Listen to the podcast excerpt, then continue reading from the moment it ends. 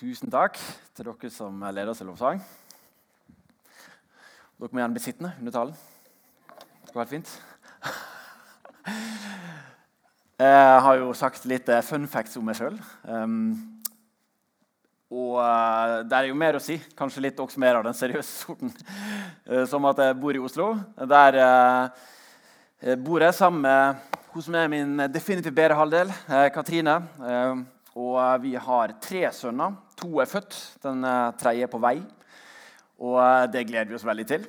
Um, det betyr at jeg er veldig opptatt av å formidle tro i mitt eget hjem. Fordi at jeg har barn i hjemmet mitt som vokser opp Eh, i et nabolag og i klassesammenheng og i en barnehage der hvor de har veldig få andre kristne Og relaterer relatere seg til og se til og liksom føle fellesskap med. Eh, og så bor jeg også i Oslo, også kalt Babylon her på Sør-Vestlandet. Det stedet der folk reiser for å bli verslige. Men sannheten er at en møter jo på en del utfordringer. både i Oslo, men også på Klepp, har jeg skjønt. Eh, i møte med både storsamfunnet og de litt sånn her vanlige holdningene til hva kristen tro er, og hvordan folk er innstilt til det. på en måte, Om de er positivt eller negativt innstilt. Der de før kanskje var mer sånn Ja, det er jo fint, flott at folk går på bedehuset. Så er det litt mer sånn Oi, hva er det som skjer der? Hva type sekt er det som henger i de veggene? Det her, det her må vi holde oss unna. Og det gjør at vi har noen utfordringer og, som vi står overfor. Og som kristne Og det er ikke sikkert alle dere her inne er kristne, men nå snakker jeg for dere som er det Eh, så har en en jobb å gjøre i å kommunisere hvorfor det er gode nyheter. Det vi tror på. For det oppleves ikke sånn. Så det leder meg til det som eh, kanskje flere kjenner meg som, en som jobber i laget. Eh, og jeg er generalsekretær i den organisasjonen Laget, som jobber med å gjøre Jesus kjent på skoler og studiesteder i Norge, som blir trodd, elska og etterfulgt. Det er det som er vårt eksistensgrunnlag. Derfor fins vi. Så Det viktigste som skjer der, er jo det elevene sjøl gjør. Sånn som Her på Klepp ungdomsskole så er det et ungdomsskolelag. Um, jeg vet ikke hvordan akkurat de møtes, men ofte så møtes en på skolen. Uh, og Så ber en sammen, en spiser kanskje en eller annen bolle og synger litt sammen. og Så går en tilbake til skoletimene sine. Um, jeg vet at også På Tryggen videregående og flere andre videregående skoler her i området så er det også skolelag der elevene sjøl får sette ord på det og Det er det som er så viktig. Og den store forskjellen også på, for på en kristen friskole. En skoleandakt som en lærer holder. Når du sjøl får sette ord på det, og du får liksom ta praksisene dine inn i skolehverdagen, da skjer det en holdningsendring som er veldig spennende. Så før vi skal liksom i gang med den skikkelige teksten, så tenkte jeg bare at vi, jeg vet at dere har Avana-materiale her, nemlig, og det er kjempebra. Men der er bare Avana-materiale opp til en viss alder. Og Så kommer de opp i tenåra, og så mister en som foreldre ofte der dere som sitter her og er tenåringsforeldre. Du, ja, Det er jo litt sånn vilkårlig da, om, om, ungdommene vil ha mye eller lite med det å gjøre. Og Det er ikke like lett nødvendigvis å samle en i hjemmet på samme måte som når en hadde litt mindre barn. Eh, men vi opplever at unge mennesker er veldig nysgjerrige, spente og dedikerte når de opplever at de blir tatt på alvor i forhold til også troa. Så vi har utvikla en rekke sånne her bibelstudieopplegg. Inni det her er åtte lagsmøter. Det heter en lagslunsj.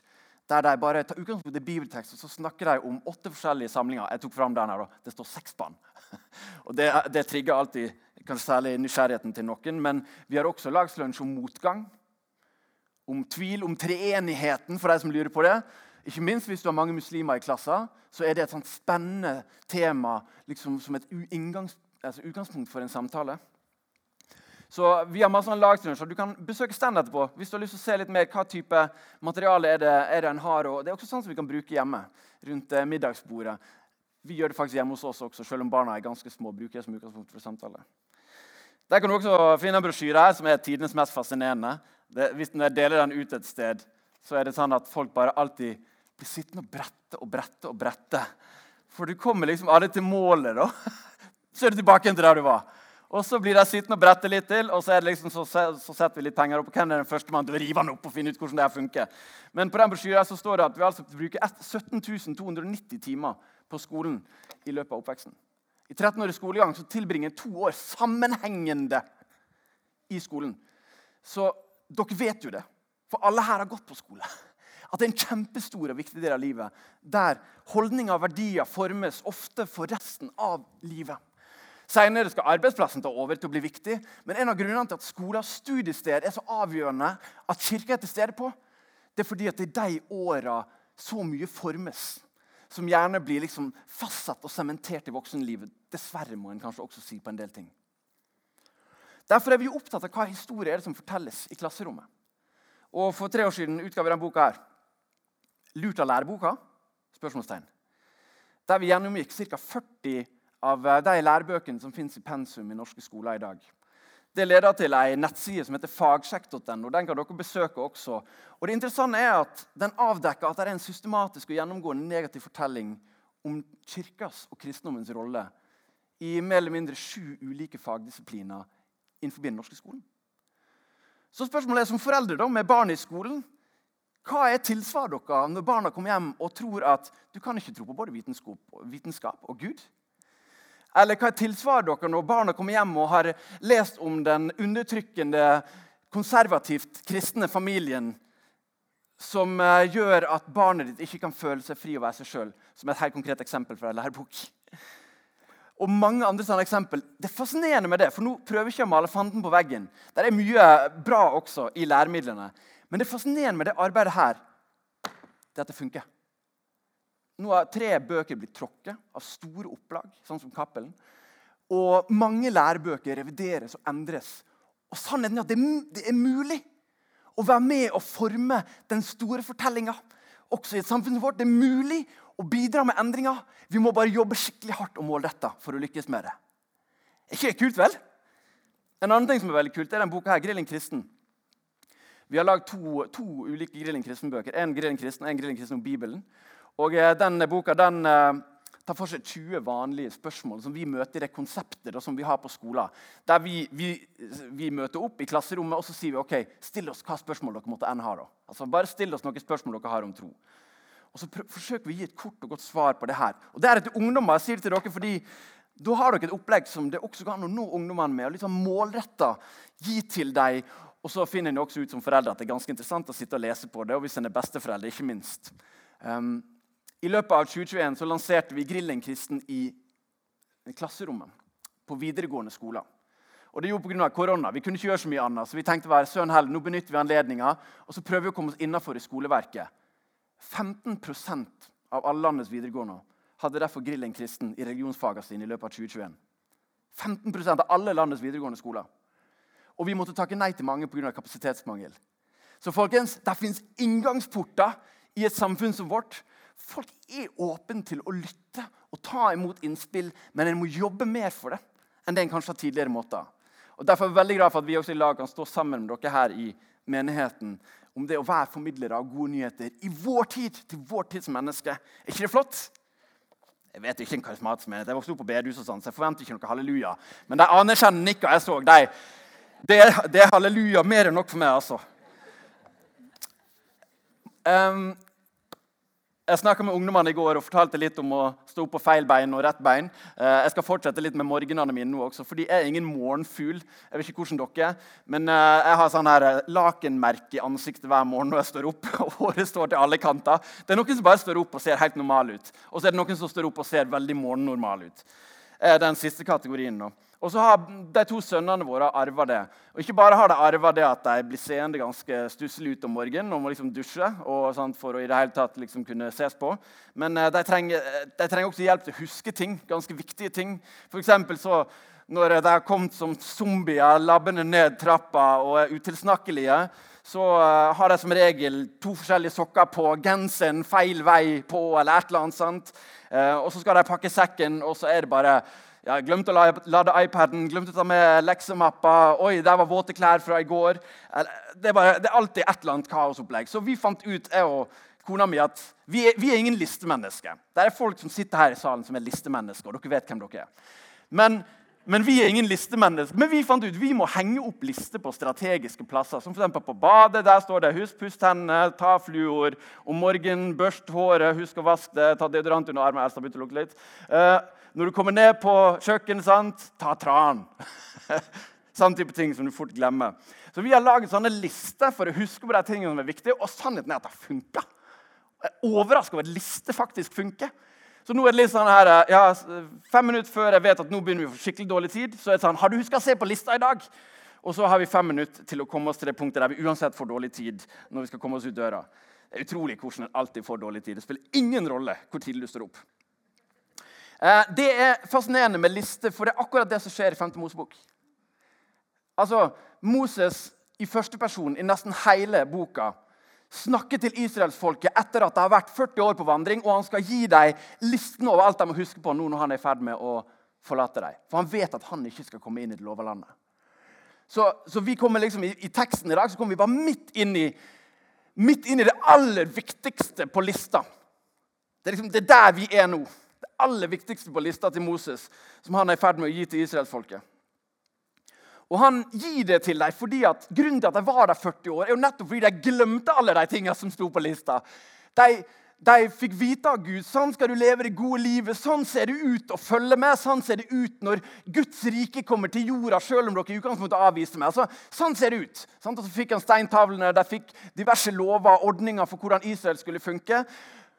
Og så bare hver gang så tabba israelittene seg ut.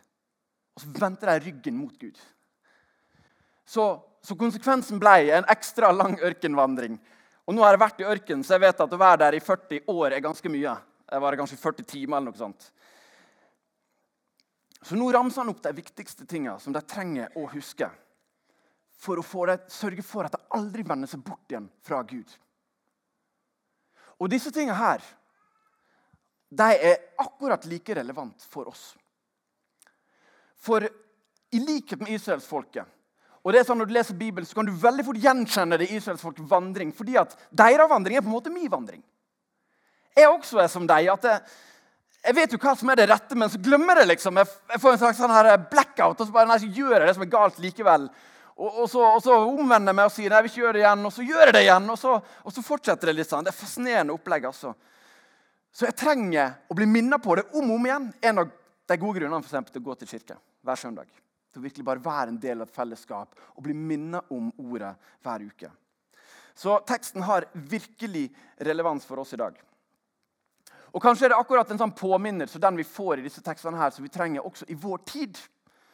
Fordi at Som kirke i vår tid, og jeg beskrev jo noe av det, men vi er virkelig i et tid der en ser folk forlate kirken i Norge i rekordfart. Altså Ingen andre land i Vesten har like mange voksne mennesker som sier de har forlatt troa, ifølge Pew Research i 2019. Ingen andre land enn Norge.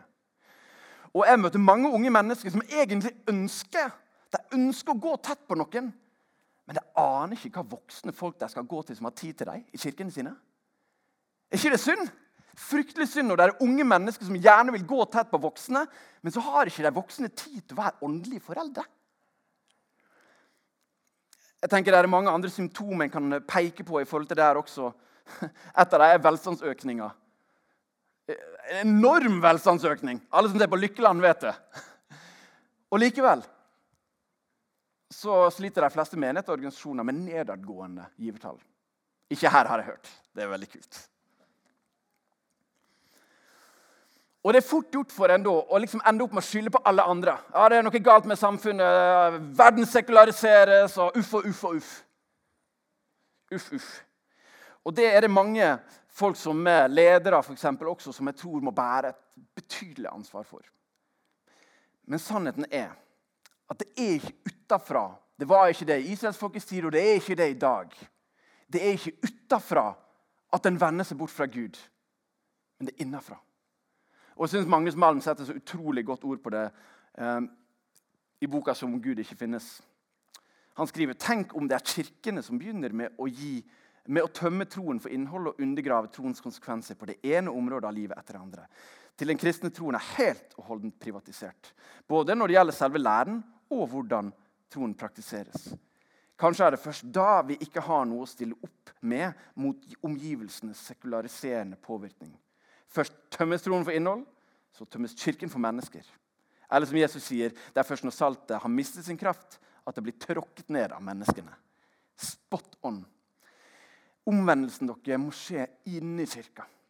Og det er ingen, nesten ingen del av Bibelen som er skrevet i en periode der kirka har vært en majoritetsbevegelse, der kirka har hatt folkets sympati. Faktisk er altså en stor del av Bibelen skrevet i sammenhenger der det var diktatur som styrte og de kristne eller jødene eller, eller de som var etterfølgere Jesus, måtte vokte sin vei mye mer enn det vi er vant til i dag.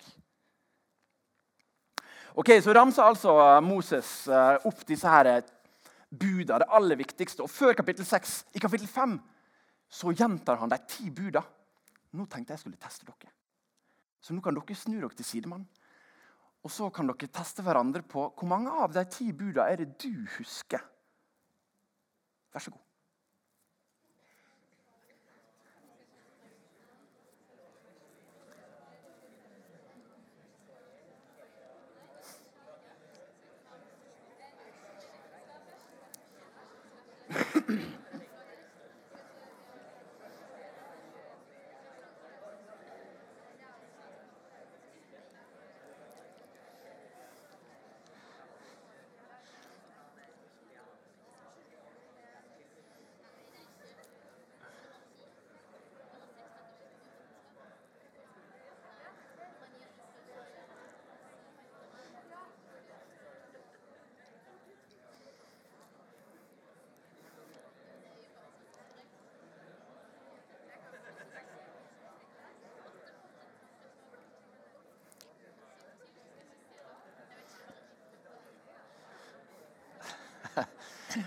Nydelig nydelig å høre. Jeg, jeg ser at dere graver og graver. Der er et par bud som alltid går litt i hverandre. Sant? Det er ikke det?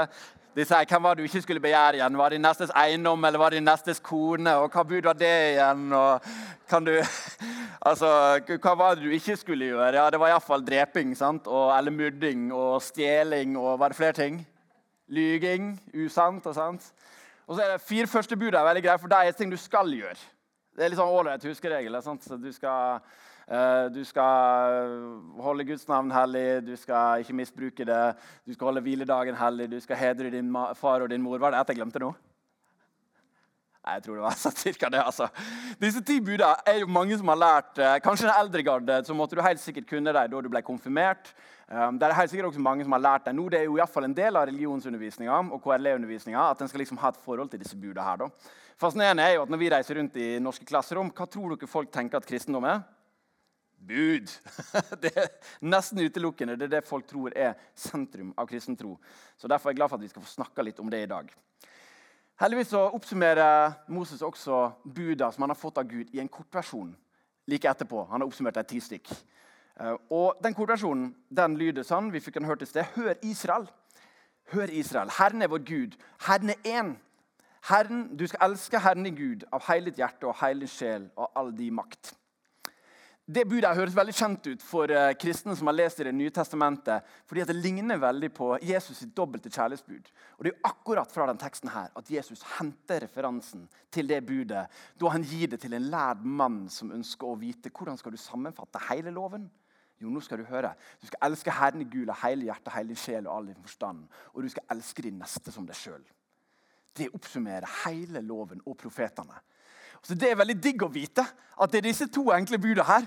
Så vet, du, så vet du egentlig alt du trenger å vite. Hvis du tar utgangspunkt i de tingene der, så har du kunnskap nok om Guds lov og Guds bud til å kunne egentlig vite hvordan du skal innrette livet ditt. Og Så fortsetter vi da i eh, den eh, teksten som vi leser stedet. Disse ordene som jeg pålegger deg i dag, skal du bevare i ditt hjerte. Der må vi stoppe litt. Hva tenker dere på når dere hører hjertet? Da er det sannsynligvis følelser Litt sånne ting. sant? Forelskelse, kanskje til og med. Men hjertet i antikken var både ordet for sjela, altså mennesket, men det var primært ordet for intellektet, tanken vår. Så det er litt interessant for oss at Når du leser om hjertet fra antikkens verden, så leser du faktisk om fornuften. Du skal bevare disse her, du skal bevare denne loven din med fornuften din. skal du ta vare på den. Ikke fascinerende? Så både eh, skal vi se her, hjerte og Du skal gjenta dem for dine barn og snakke om dem når du sitter i ditt hus og når du går på din vei, som vi skal snakke om i dag. Når du legger deg og når du står opp. Går på din vei er jo en kjempeaktiv ting. Og Det viser med all tydelighet at buda er ikke meint som å være puggehjemmelekse. Som du skal kunne litt à la, ikke for å fornærme norsklærer om det er noen av dere her, litt à la diktanalyse og sånt, som du, du lærer i norske, men du får aldri bruk for det ellers i livet. Men Men disse tingene her skal du lære, og så skal du bruke dem. De er aktive. Det er, det er bevegelsesord. Det er ting du skal ta med deg på din vei der du går, inn i alle situasjoner. Og Det er det aller første punktet etter en lang innledning. Er dere redd Nå er elleve punkt til. Det er 20 konfirmanter. Jeg skal bare skremme dere litt. Jeg har bare to punkt. Slapp av. Første punkt er disippelskap. Det er å følge Guds lov. Jeg vet ikke om dere har tenkt på hva disippelskap er, i det hele tatt, men disippelskap er det å gå på en vei etter en lærer. Så når Jesus kalte sine disipler, eller tolv apostler og mange disipler, så kalte han disiplene til å være sine lærlinger. Læresveiner. Jeg liker egentlig det nynorske ordet for det enda bedre. En disippel er en læresvein. En som går i lære hos en som kan ting bedre enn deg sjøl. Og Disiplene gikk i lære hos Jesus i tre år, og så kom Ånden og tok over læretida. Så disippelskap, det er det det dreier seg om når vi skal elske Gud når vi går på vår vei. Det er disippelskap i hverdagen. Og Da skal vi prøve å plukke opp i løpet av denne lille tida vi har sammen nå, men kanskje også inn i uka. Ja, hva er det? Hvor er det jeg går på min vei, for det første? Og hva betyr det å følge Jesus der? Hvordan ser det ut at jeg er en læresvein av Jesus Kristus i hjemmet mitt, på veien når jeg går, på jobben eller på skolen, eller når jeg er på aktiviteter av ulike slag? Hvordan ser det ut? Det er Kjempespennende spørsmål som selvfølgelig har veldig mange forskjellige svar. Disippelskap det er å følge Guds lov. Det var det første jeg ville si. For eh, det første ordet Hør, Israel. Hør. Det er det hebraiske ordet shema. Og Derfor kalles også den israelske trosbekjennelsen for shema. Og Det betyr å lytte og høre. Men det betyr mer enn å lytte og høre. Det betyr å lytte, høre og gjøre. Det betyr begge deler. Og dere vet utmerket godt at det går fint an å lytte uten å høre og gjøre. Det kalles selektiv hørsel. Jeg lærte om det i oppveksten min. Pappa brukte det begrepet av og til, både når jeg ikke hørte og gjorde. Men jeg ser jo det også noe sånt. Ja, 'Tar du ut søpla, Karl Johan?' 'Ja, jeg tar ut søpla.' Neste morgen ingen har tatt ut søpla. Sånn? Da har du hørt det som ble sagt, du har til og med bekrefta det. Du har sagt ja, men du har ikke gjort noen verdens ting med det. Og Søppelmannen har kjørt forbi, og så må du sitte der med den stinkende saken ei uke til. Å lytte og høre og gjøre, det er det trosbekjennelsen sikter til her. Og loven er ikke bare til for å kunne den, men den er til for, for å følge den. Så disippelskap det er å følge loven. Nå er det en del som vil si at ja, men det å skulle drive og følge masse lover sant? det føles ikke så rett og så naturlig for meg. Det er akkurat som jeg ikke har lyst. Skjønner du hva jeg mener? Det er akkurat som jeg har lyst til å gjøre noe annet istedenfor. Og Den tanken er ikke så veldig fremmed for folk i dag. Verken utenfor eller innenfor kirka. Men skal jeg si dere noe interessant? Hvis du søker Bibelen, så finnes det ikke en eneste referanse til setninger som 'dersom det føles rett for det'. Eller 'dersom det kjennes riktig for det'. Det fins ikke i Bibelen. Føle i det hele tatt er mer eller mindre et fremmedord, iallfall i den bokmåloversettelsen av Bibelen som jeg har. Det er flere ting som ikke fins i Bibelen. For eksempel, det fins ikke uttrykket 'det er tanken som teller'. For alle vet at hvis det var tanken som telte for at den skulle finansiere det bygget her, men ingen ga, så hadde det jo aldri blitt noe av det. Det står ingen steder at tanken teller. Det står noe om at du kan gjøre gjerninger med feil motiv og dårlige tanker, men det er ikke det samme. Kunnskap er én ting, men å gjøre det er en helt annen ting. Det er likevel det som er kallet til etterfølgelse. Det er det du velger å gjøre med livet ditt, med etterfølgelsen din. Men det er et konfliktforhold i det som jeg synes at Paulus setter så godt ord på i Romerbrevet kapittel 7. Han sier det. Av hele mitt hjerte så elsker jeg Guds lov men det pågår en kamp Det pågår en kamp i mitt indre som får meg til å synde mot min egen vilje. Og jeg kan kjenne meg som et elendig menneske. Hvem skal fri meg ut fra den dødens kropp der jeg gjør det jeg ikke har lyst til å gjøre, og jeg lar være å gjøre det jeg har lyst til å gjøre? Jo, jeg takker Gud for svaret Jesus Kristus, vår Herre. Så dere skjønner, Det er ikke bare vi som kjenner på den kampen mellom åh, jeg har bare lyst til å gjøre det som føles riktig. Og det føles ikke alltid riktig å gjøre det Jesus ber meg om å gjøre. Den kampen den har eksistert så lenge disippelskapet har eksistert. Og Det rare med det er at det er akkurat som i kirka. Når det kommer til etterfølgelse, så har vi litt sånn her over tid akseptert at, at, at troa den, den, handler bare om å ta imot, ta imot, nåden på et bestemt tidspunkt av livet ditt. Og Hvis du sa ja, da, så er det greit. Yes, da er du innafor. Da er du en kristen. Og det er ikke mye å gjøre med den saken. Altså, Veldig mange har det bildet av troa ut ifra forkynnelsen som vi dessverre er med på å legge til rette på mange steder rundt omkring i landet. Men vi anvender ikke den logikken andre steder av livet. For eksempel, da jeg så på Therese Johaug sitt gullintervju i går, så satt hun og fortalte om alt hun hadde ofra. Hun hadde ofra alt de siste åra. Hun skjønte ikke at noen holdt ut med omtrent. Altså, men hun var så takknemlig til de som faktisk gjorde det. For Hun hadde ofra alt for å vinne den seiersprisen, det gullet som hun skulle få i Beijing. Og hun vant det. Takk og lov for hun. Alle andre som hadde jobba livet av seg og, og, gitt alt, de har jo ikke vunnet gullet. Men der er det akkurat som vi ikke bare aksepterer det, men vi applauderer det.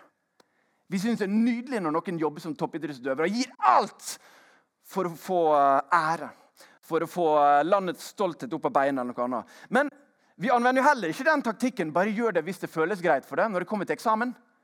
Altså, Jeg kjenner ingen som syns det føles greit for seg å pugge til eksamen rett før standpunktkarakter. Ingen som syns det er gøy å sitte der og prøve liksom å få med seg alt og vite at det er alltid noe du ikke kan. Men vi anbefaler folk å gjøre så god jobb som de kan. Vi anbefaler virkelig å, å gi jernet og gi det beste de har. Eller med fødsel. Er det noen som har hørt en jordmor si ja da, slapp av, bare gjør det som føles riktig for deg under en fødsel? Ingen som har sagt det noen gang! Der anvender vi ikke logikken, for vi vet at veien til prisen er gjennom smerten.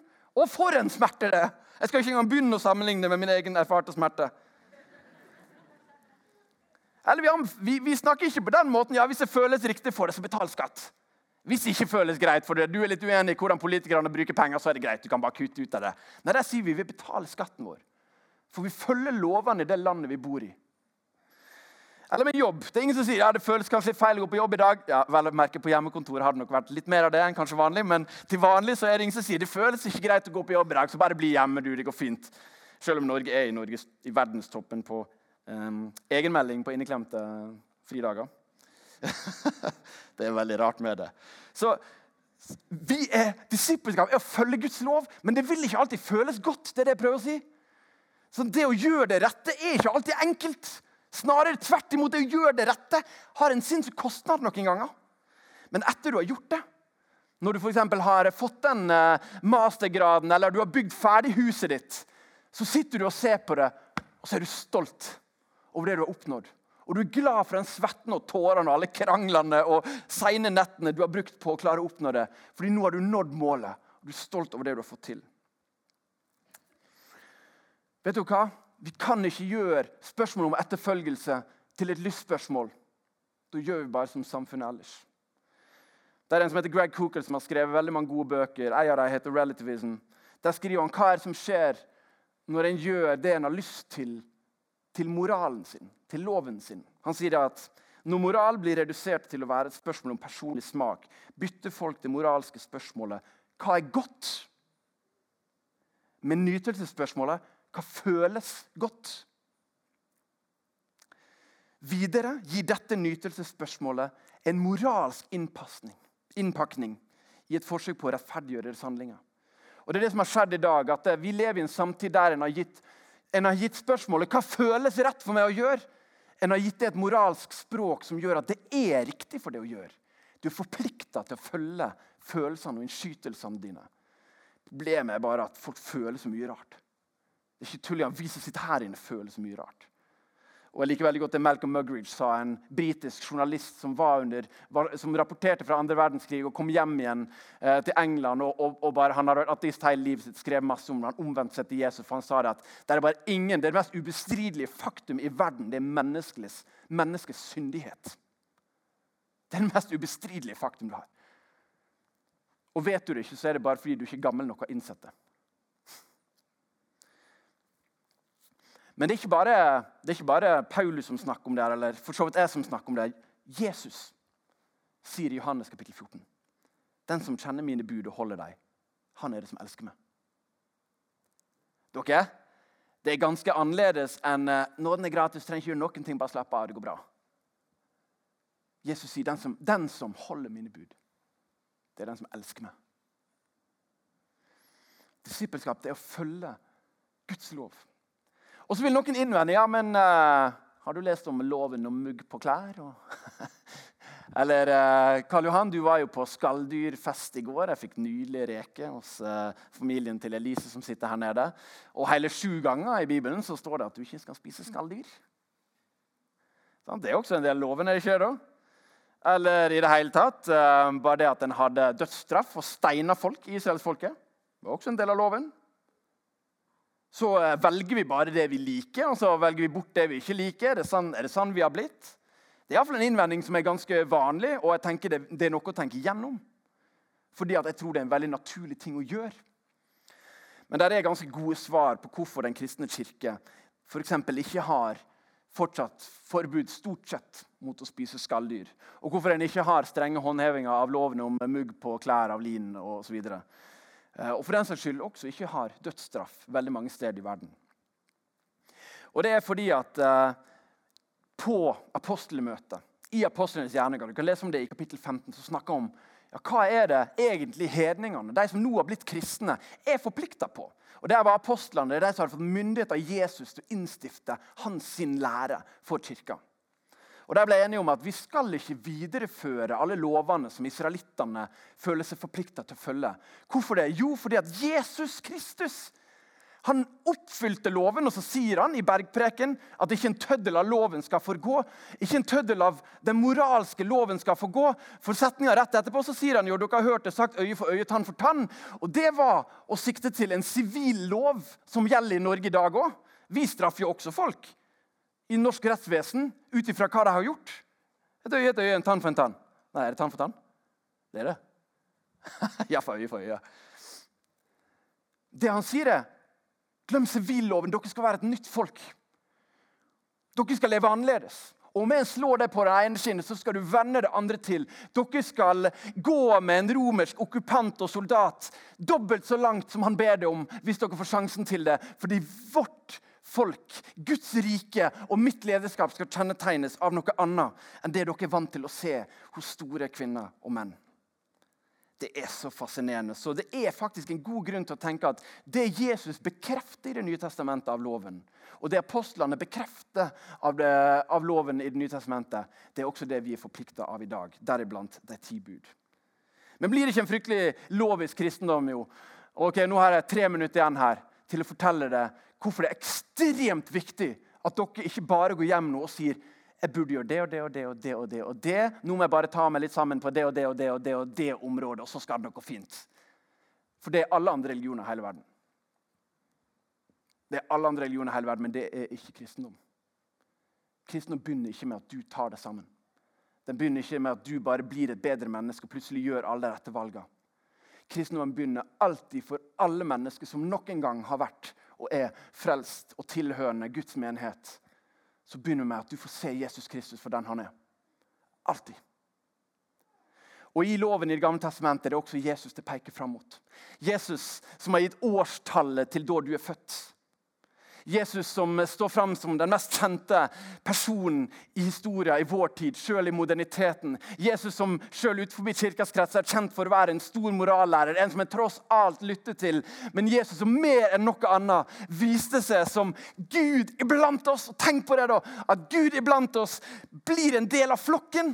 Han fødes under ydmyke forhold i en stall. Han vokser opp under enkle forhold sammen med foreldre der han må jobbe og snekre og gå på skole som alle andre. Han føler og tenker og opplever de tingene som vi gjorde. Og vi blir i sjokk når han tenker tilbake på kong Olav som satt på trikken under oljekrisa på 60-tallet. Men her er det Jesus, kongen i himmelen, som har skapt verden med sine fingre, som trer inn iblant oss. Og så lærer han oss ikke at du skal herske med storhet og makt og herlighet. Men han lærer oss at du skal lede gjennom å gå bakerst. Du skal herske ved å tjene. Du skal være stor med å være liten. Han kommer til verden og bare viser lederskap og kongedømme og Guds rikes sanne ansikt. Og så sier han sånn skal dere følge etter meg. Men dere skal ikke gjøre det ved å ta dere sammen. Dere skal gjøre det ved å feste blikket på meg. For når jeg dør på korset så gjør jeg det for min far, men jeg gjør det også for deg og gjør det for meg. Når jeg går den veien opp på Golgata, og min troningsseremoni er på et kors med ei tornekrone, så viser det bare min enorme, ufattelige, sjøloppofrende kjærlighet. Og det stopper ikke der. Guds herlighet. Guds herlighet, folkens, den fortsatte etter hans død. Ved at Guds ånd røyste han opp fra grava. Og uh, Maria fikk ikke engang lov å klemme han, fordi nå var han strålende, herlig. Han var, han var, han var Jesus den samme, menneske-Jesus, som kan relatere til vår kamp, våre utfordringer. Relatere til våre følelser og det vi lengter etter.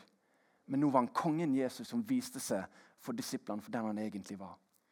Og vet du hva som skjedde da Jesus reiste fra disiplene og opp til himmelen? De falt ned på kne og tilba Jesus Kristus. Og Når Jesus kommer igjen en dag til vår jord, og han skal gjøre alle ting nytt og skape verden på nytt igjen, så kommer alle mennesker til å falle ned på kne og tilbe. Du har ingen valg. Jesus Kristus sin herlighet kommer til å skinne for all verden. Målet vårt er at vi skal få se Jesus sånn at han driver oss ut i et liv i etterfølgelse som disipler. For å gjøre han trodd, elsket og etterfulgt. I hjemmet ditt, på vei til jobben, når du er på skolen, i menigheten din, blant vennene dine, i familien din, i feriene dine og helgene dine, så vel i arbeidsukene dine. Jesus trodd, elsket og etterfulgt. Han ønsker at du vender deg om til ham. Og her på tampen vil jeg bare si at For noen av dere så, så er det kanskje noe dere trenger å gjøre for aller første gang. Du har levd en ta deg sammen-religion i altfor mange år, og du vet at du orker ikke lenger. Du har kanskje stått på valget. Du vil slutte eller ikke være en del av det her lenger hvis det ikke endrer seg. og jeg lover det. Å feste blikket på Jesus Kristus og se hvem han egentlig er, det endrer absolutt alt. Så kanskje er det på tide å gi livet sitt til Jesus for det. Og kanskje er du den kategorien som mange av oss er. Vi er kristne og vi har del i Guds familie. Men vi som israelsfolket glemmer. Vi trenger disse listene og påminnerne våre. Hvis du er en av dem, sånn som meg, kanskje du trenger å, å, å, minnes på det igjen. Hvem er han der Jesus? Kanskje trenger du å stoppe opp fra der du er, og, og snu deg rundt og se på hvem han er. Få blikket på Jesus Kristus for å la han inspirere deg til et liv i etterfølgelse. Vel, Det kan du gjøre i dag. Det kan du gjøre hver dag. faktisk. Veldig ofte begynner det med å bekjenne synd. En utrolig befriende øvelse. En utrolig befriende handling Å fortelle Gud eller noen som du stoler på, akkurat hva det er som tynger deg. Og få begynne på nytt. Guds nåde er for alle, uansett hvem du er, hvor du er fra.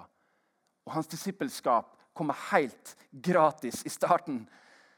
Men når du ser ham for den han er, så vil du ofre livet ditt for ham.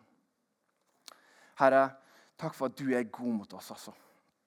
Og jeg ber deg om noe som nå som vi står her, stilt overfor ditt ord og ditt kall til etterfølgelse, Herre, at det her kan bli en virkelighet i det vi trer ut av den forsamlinga her i dag på søndag. At vi kan gå ut i den uka som ligger foran, Herre, og ville følge det. Ville feste blikket på det for å gå ut i hverdagen vår og bringe de gode nyhetene frem til folk som ikke ennå deler dem. Jeg ber om i Jesu Kristi navn. Amen.